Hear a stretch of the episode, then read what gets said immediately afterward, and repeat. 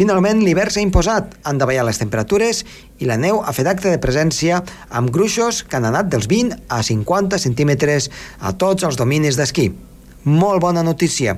I a més a més, és que la situació meteorològica pels propers dies, a excepció del cap de setmana, ha de ser, de nou, de fred i, per tant, amb alguna que altra feble nevada.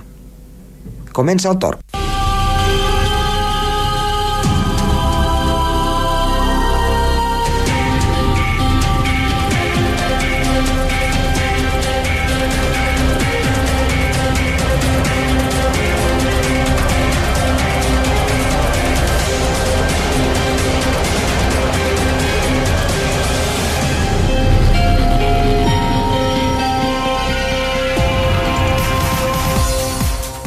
Bona tarda, moltes gràcies per escoltar-nos una vegada més amb el seu transistor, des del seu vehicle o des d'internet, des de qualsevol punt del món.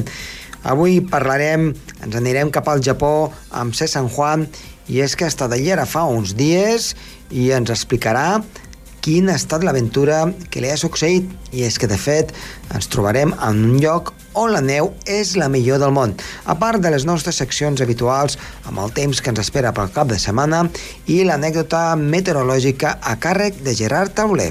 Som-hi!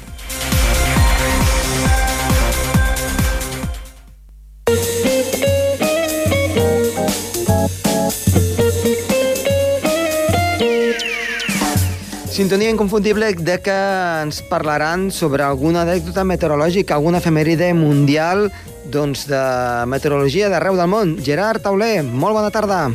Hola, molt bona tarda, Josep Tomàs. Doncs escolta'm, aquesta setmana què ens portes? Quina és l'anècdota o l'efemèride meteorològica doncs, que eh, va afectar a nivell global, o si més no, a nivell d'algun continent? Bé, a Europa, 1890-1991, van tenir l'hivern més fred, almenys a la península ibèrica, uh Mhm. -huh. els últims 500 anys. Molt bé. I se saben les causes?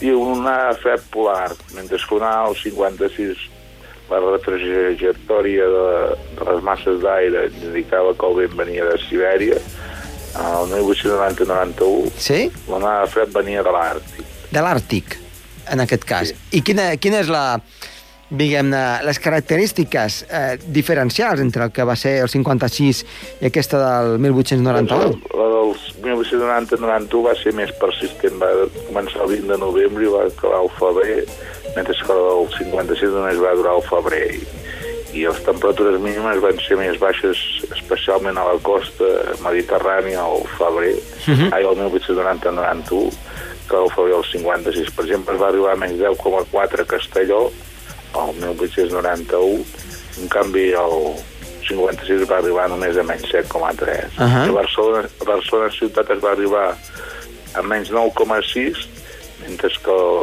el 1956 va arribar a 6, menys 6,7.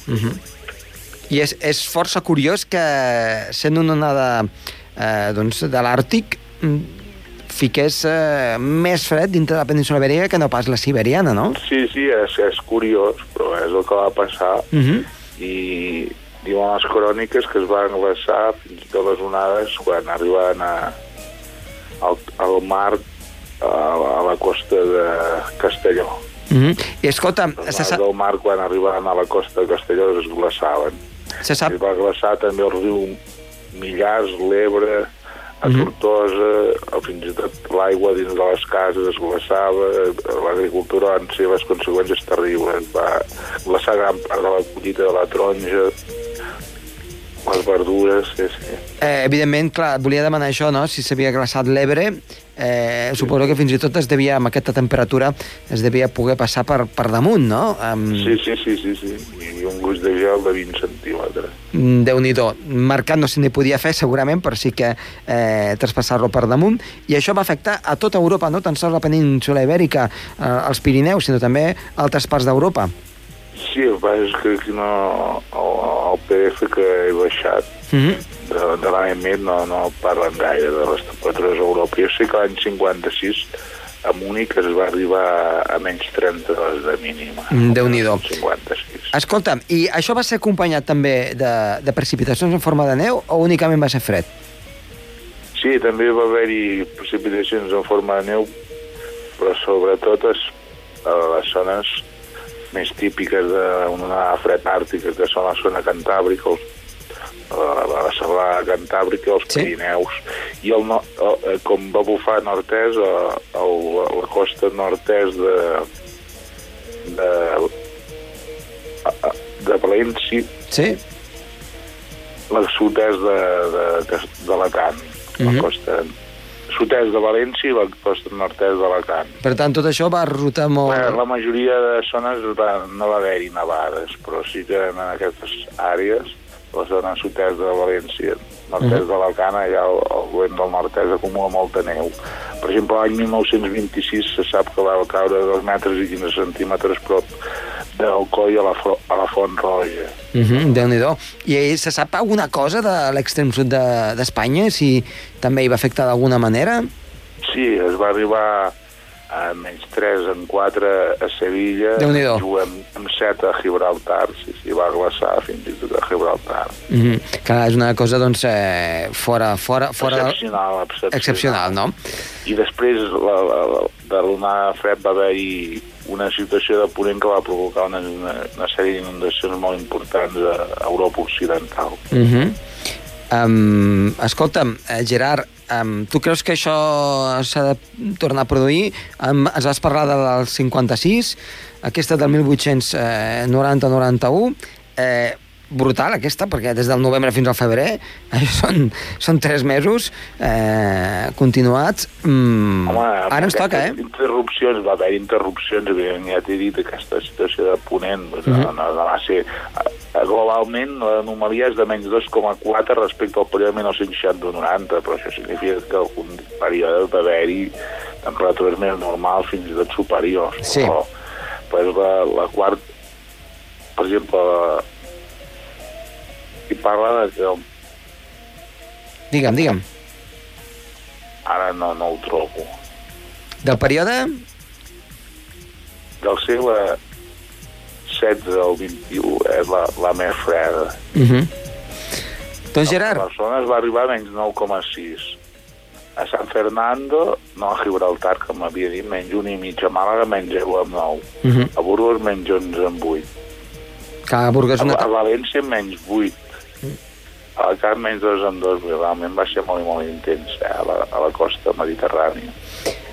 No, De- no, no tan intensa, per exemple, a l'interior. Per exemple, a Saragossa menys 9,7, a Madrid menys 9,8.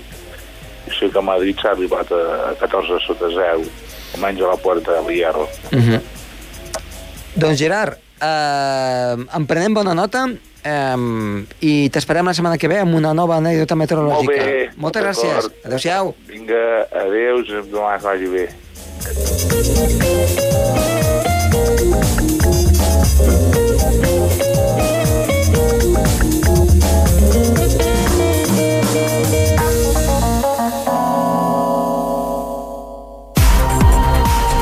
El torn, amb Josep Tomàs.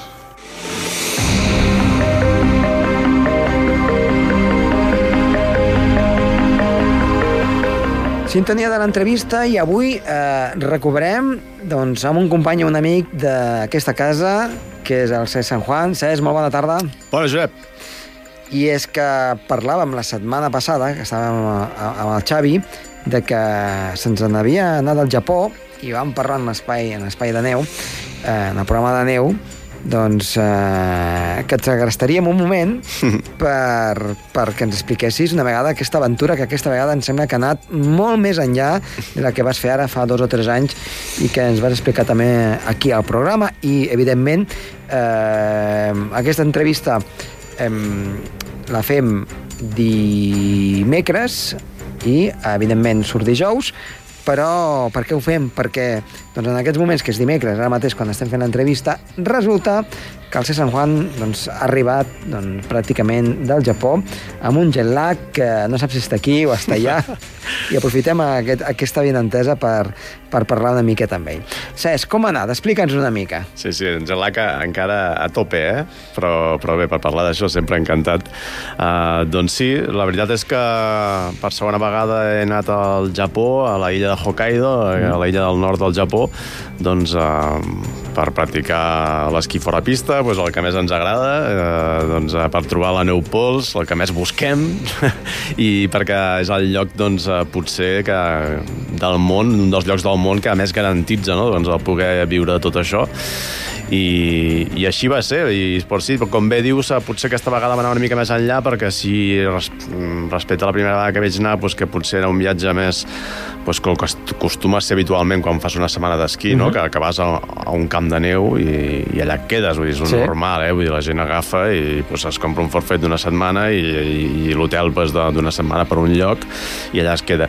Però per, amb aquesta ànsia de, de, de conèixer més, ja que vas fins a l'altra punta del món doncs, a esquiar, doncs eh, vam, vam intentar dir un, un viatge una mica diferent i el que vam fer doncs, eh, va ser eh, llogar motorhomes, diguéssim, i això ens ha permès doncs, donar aquesta mobilitat no? i aquestes possibilitats doncs, de, de, de conèixer més a fons de tot el que és la zona de, de, Hokkaido. I la veritat és que hem, hem acabat molt satisfets, eh? Vull dir, va ser, que va ser un, un encert el, el fer-ho així i, i a més, respecte a l'anterior vegada, doncs, i, i parlant ara ja a nivell més climatològic, doncs eh, la veritat és que ha estat també diferent i és que el, el més habitual allà és, és que vagis i, i et nevi cada dia i pràcticament a 24 hores al dia, no? Uh -huh. és, és, no para de nevar. I aquesta vegada doncs, no ho ha fet tant, sí que ens ha nevat molt, evidentment, però també hem tingut algun dia de sol i això ens ha permès la, la possibilitat o, o fer realitat, per exemple, un somni que jo perseguia des de feia 3 anys, eh, com era pujar doncs, al, al Mont Yotei, que, era, que és el, també se l'anomenen com el Mont Fuji de Hokkaido, uh -huh. eh, que és un cim eh, que fa 1.889 metres, que, que això, quan, quan, quan ho dius, doncs, hi ha gent que pensarà ostres, és molt baixet això, no? Uh mhm. -huh. però, però clar, quan parles de Hokkaido és, és una alçada molt important i és una muntanya que la veritat és que no és, eh, tampoc és fàcil de, de pujar, especialment per trobar un dia que es pugui a, fer, a fer aquest cim, perquè clar, necessites que hi hagi un temps eh, mitjanament bo.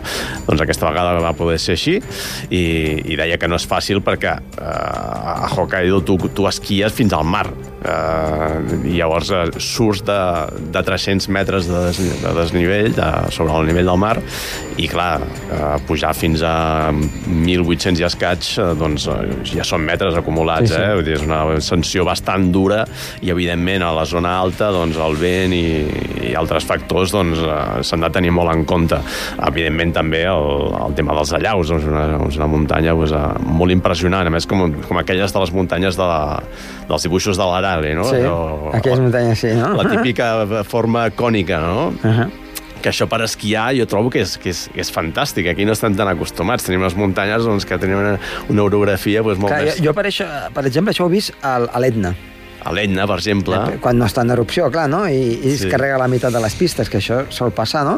Mm. Però sí que és una, un, he estat un parell de vegades i, i, i és així, no? Doncs no hi ha ni arbres ni res i pots anar per on vulguis un, una mica, no? Allà, allà hi ha arbres, uh, però, però sí que jo, jo crec que és bo per, per l'esquí el, el fet de que sigui una forma totalment cònica, perquè clar, el descens és totalment sostingut, mm -hmm. no és com aquí, que a vegades trobes, per exemple, aquí tenim molts llacs no? de, sí. de, de, de glacials, i, i, i aquestes són aquestes esplanades a vegades amb, eh, amb l'esquí o amb, amb, amb el surf de neu, que és amb el Has de remar, no? Sí, sí, acaba sent un problema, no? Però amb una baixada sostinguda, imagina't una baixada que amb Mont Llotell no et pots imaginar el que va ser. Eh, 1.600 metres de baixada de neu pols sostinguda. Anem per parts, eh? Anem per sí. parts una miqueta. De... Arribem allí, eh, Motorhome. Com, com és una mica l'illa? Perquè l'altra vegada ens has explicat que vas anar a un lloc eh, i prou. Eh, com és l'illa en, en general? Es, està tota nevada o, o hi ha zones que no, zones que sí? Una mica, quin és el paisatge? Tota, que... tota, tota és neu i, i aquesta vegada si potser l'altra vegada que hi vaig anar, doncs potser estàvem parlant de que hi havia 10 metres de neu, doncs ara potser hi havia 4 o 5. Mm -hmm. Però jo eh, vaig anar amb molts més companys, l'altra vegada vam anar només 3, aquesta vegada vam anar fins a 11 eh, a esquiar, i clar, tots quedàvem bocabadats quan arribaven a alguns llocs i, i, i sobretot quan vam anar al lloc que ja havia estat jo el 2013 no, però quanta neu... No. I clar, jo deia, però home, però si el 2013 n'hi havia moltíssima més, però moltíssima més. Però perquè et facis una idea i que respon perfectament a la, a la pregunta que em feies ara, doncs eh, vam anar a, a Otaru, que és la, una de les ciutats més importants que estan a la costa i és la ciutat que fa una mica eh, on hi ha els ferris que, que, que uneixen, diguéssim, a, amb la illa central de, de, de Japó. Eh, doncs una ciutat costera hi havia com dos metres de neu per tot arreu. Mm -hmm. O sigui, una quantitat de neu acumulada increïble. Jo, clar, a nivell de mar, jo no havia vist mai això. I, i bueno, a no ser que estigués en una zona àrtica, no?, totalment, però i amb temperatures molt baixes o... Sí, són temperatures baixes. baixes. Uh, normalment estàs a...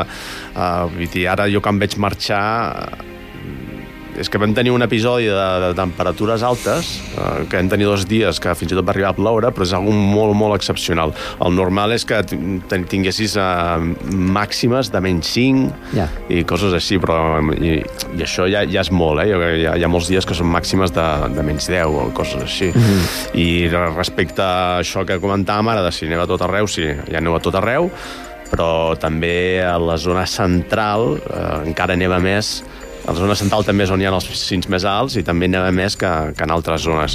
I la neu encara és més seca que en altres zones. Però eh, jo ara també, doncs, a, a banda d'estar en aquesta ciutat que et deia, que més veure que hi havia molta neu, a la mateixa ciutat de Sapporo hi ha diverses estacions d'esquí, vaig estar esquiant en una d'aquestes estacions i, i esquiaves tenint, veient tota la bahia sota, o sigui, tot el mar. Veies la gran ciutat que és molt gran, Sapporo, és un atac molt gran, i de tota la bahia del mar. O sigui, és una sensació molt estranya a, a l'estar esquiant, a, a banda que la imatge era molt espectacular, doncs eh, veient el mar a sota i uh, una gran ciutat. Però és que, a més, sobre neu pols, o sigui, però pols perfectes. Eh? Mm. I eh, el, està trepitjada o no trepitgen res? O... Sí, sí, trepitgen. El que passa que, ah, si, si parlem de a nivell d'estacions, són estacions força petites, perquè els desnivells no acostumen a ser molt elevats, perquè les muntanyes tampoc ho són, i tot i que pues, es comença esquiant des de, des de la cota més Zero. baixa, diguéssim, uh, doncs uh, no són desnivells molt, molt, molt grans, ni estacions molt, molt, molt grans. El que sí que jo penso és que donen moltes, moltes, moltes opcions a nivell de, de fora pista, especialment amb, amb la zona de bosc, perquè el bosc allà, doncs, com jo he comentat alguna vegada també, a diferència del d'aquí, doncs és molt més esquiable, no? I això et permet que encara que, que faci, com, com deia abans, que el més habitual és que sempre estigui nevant, doncs et permet poder esquiar eh, entre els arbres, perquè clar, si no tindríem doncs, la llum aquesta neutra que diem moltes vegades, no? Que, no, que no veus res, no? perquè quan està nevant, si estàs en una zona que només hi ha neu i, i, i no hi ha ni roques, ni arbres, ni res... No tens punts de referència, no? Clar, no, no, és que la gent es mareja i tot, no? no, no. En canvi, allà, doncs, com que tens la possibilitat d'esquiar de, entre els arbres, eh, doncs, eh, realment amb, amb, bon, amb bon o mal temps doncs, eh, pots esquiar al màxim nivell. A més, que jo crec que és molt recomanable i una de les coses que més t'emportes de, de record eh, quan estàs allà esquiant és el fet d'esquiar entre els boscos eh, del Japó, que és algo espectacular. Mm. A més, que no estem acostumats també a veure boscos on els arbres estan totalment colgats de neu. És una cosa brutal. És que la, la sensació més estranya allà és el, és el dir que te n'oblides totalment de, de la possibilitat de trobar alguna pedra. Ja. És que jo és que no n'he no vist ni una. He estat esquiant allà nou dies i no n'he vist ni una. És que, i, I clar, et pots baixar per on vulguis, que si ara vols baixar un barranc, que si ara vols uh, passar per sobre d'una fina aresta, per, per, o tot arreu, eh? tot arreu pots uh, donar la possibilitat d'esquiar de, de, i fer-ho sense la preocupació aquesta d'aquí, que pues, com, com li diem, no? Els, els sharks, que, no? que diem, o els... Uh, a les pedres no? pues que, que, que apareixen de... I una persona doncs, que tingui un nivell d'esquí eh, mitjà, eh? no que mm. sigui un expert fora pista, eh, és recomanable que hi vagi? Sí, sí, sense cap problema. Perquè ja Disfrutarà igualment amb aquesta neu pols fora pistes o, o, o les cames li faran fi? Ah, això ja és una altra cosa. Jo crec que penso que si anar fins a l'altra punta del món és, eh, jo crec que val la pena anar allà doncs, per això, per la gent que li agrada doncs, fer el fora pista i, i disfrutar d'aquesta neu pols que, que, que... Encara que no en sàpiguis, amb aquesta neu, sembla que en sàpiguis... Eh, a, a veure, et dic jo un exemple, eh? soc un esquiador normalet, eh? i quan aquí ha fet les nevades amb neu pols, doncs més que fora pista, entre pistes, sí. podem dir entre una pista i una altra, vas per un bosquet o vas per una zona i dius, ostres, sembla que en sàpigui tot, no? Perquè, clar, tens eh, la neu pols i t'aguanta, no? eh, una miqueta. Eh, és la mateixa sensació o potser una persona que no té el nivell millor que no hi vagi ja? No, sí, penso que, que, que com bé dius tu, amb una neu així es minimitzen els errors, eh? Vull dir, que tothom en sap molt més. Ja. I jo mateix, eh, que, clar, home, quan, quan baixo per aquí, per, per una muntanya, eh, sempre vas una mica amb el fre mà posat, amb, pel, pel que et deia abans, no? Perquè hi ha pedres amagades per tot arreu, mm -hmm. ja pots trobar les circumstàncies així. Allà, amb aquella quantitat de neu i amb aquella qualitat de neu, baixes eh, molt més eh, ràpid del que tu acostumes a baixar aquí doncs perquè tens molta més confiança i, i si algú eh, vol aprendre fora pista doncs allà millor impossible, perquè cada dia es trobarà eh, doncs bones condicions de neu i acumularà doncs, moltes hores d'aprenentatge que llavors aquí pot posar en pràctica doncs, quan arribi eh, en bones condicions, que també les tenim moltes vegades, com ara mateix aquí a casa nostra. No? Mm -hmm. I ara, doncs, eh, explica'ns una mica, així breument, l'excursió la pujada al, al volcà. Arribeu al motorhome i d'allí doncs, eh, aneu amb guia o aneu pel vostre compte? Com, com es puja un volcà d'aquest tipus? Uh, la veritat és que surt bastant car anar amb guia i nosaltres vam intentar, després d'assessorar-nos molt, uh, vam intentar anar, vam anar pel nostre compte uh, perquè coneixia algú que l'havia pujat i bé, uh, doncs allà doncs sempre intentant recabar informació i, i res, bàsicament això surts dels 300 metres eh, i vam fer per la cara nord-oest eh, també es pot fer per la cara sud-oest el que passa que és una baixada pues, eh, no és tan pendent i, i també pues, al ser la cara sud-est en cas de ja, per estar bastant proximitat al, al mar doncs en cas de que pugi mica la temperatura hi ha més possibilitats diguéssim que la neu es pugui arribar a transformar. Llavors nosaltres ens vam decantar per aquesta cara nord-oest i, i bàsicament pues, a, comences a pujar per, per un bosc tancat a, amb una ascensió que, que és molt més dòcil al principi i després es comença a posar molt i molt dreta uh, i els, els arbres encara cap al final encara estan, són presents però comencen a quedar com enterrats uh, so, sota la neu o sigui, eh, creus que és un arbre per la forma no? però només es veu blanc saps? És, és tot, tot, tot neu i després uh, l'ascensió es complica una mica cap al final perquè és la zona diguéssim que li toca més al vent i llavors ja sí que deixa d'haver-hi neu pols i, i queda totalment endurida llavors un cop arribes a... Ja, bueno, hi ha, hi ha un parell de falsos cims, una mica com el mm -hmm. Casamanya, allò sí. que sembla que mai s'acaba, i eh, un cop arribes així a la caldera, doncs és una caldera molt impressionant i que la gent doncs, eh, també baixa esquiant. Vull dir, no només fas el cim, sinó quan estàs al cim eh, fa molta il·lusió doncs, el, el baixar dintre un cràter d'un volcà doncs, esquiant i després fer, fer la remuntada. Són 150 metres ho vosaltres? de nivell. Sí, sí, ho vam fer perquè eh, és una ja cosa que s'havia... No faràs mai més, no? La, la veritat és que després d'ascendir 1.600 metres doncs, eh, estàvem molt cansats, però, però vam fer aquest esforç i, i realment va, va, va valer molt la pena. A banda d'això també vam estar a altres llocs, eh, com a Rusutsu, a Niseko, i també a la zona de Asahidake, que és la, la zona on hi ha els, els cims més alts de, de la illa de Hokkaido. I bé, ara hem de viure amb això i esperar, esperar tornar-hi eh? abans, no? doncs ens has fet una mica la boca, no aigua, sinó neu, perquè doncs, eh, ja voldríem estar-hi nosaltres allí per, per provar aquesta neu.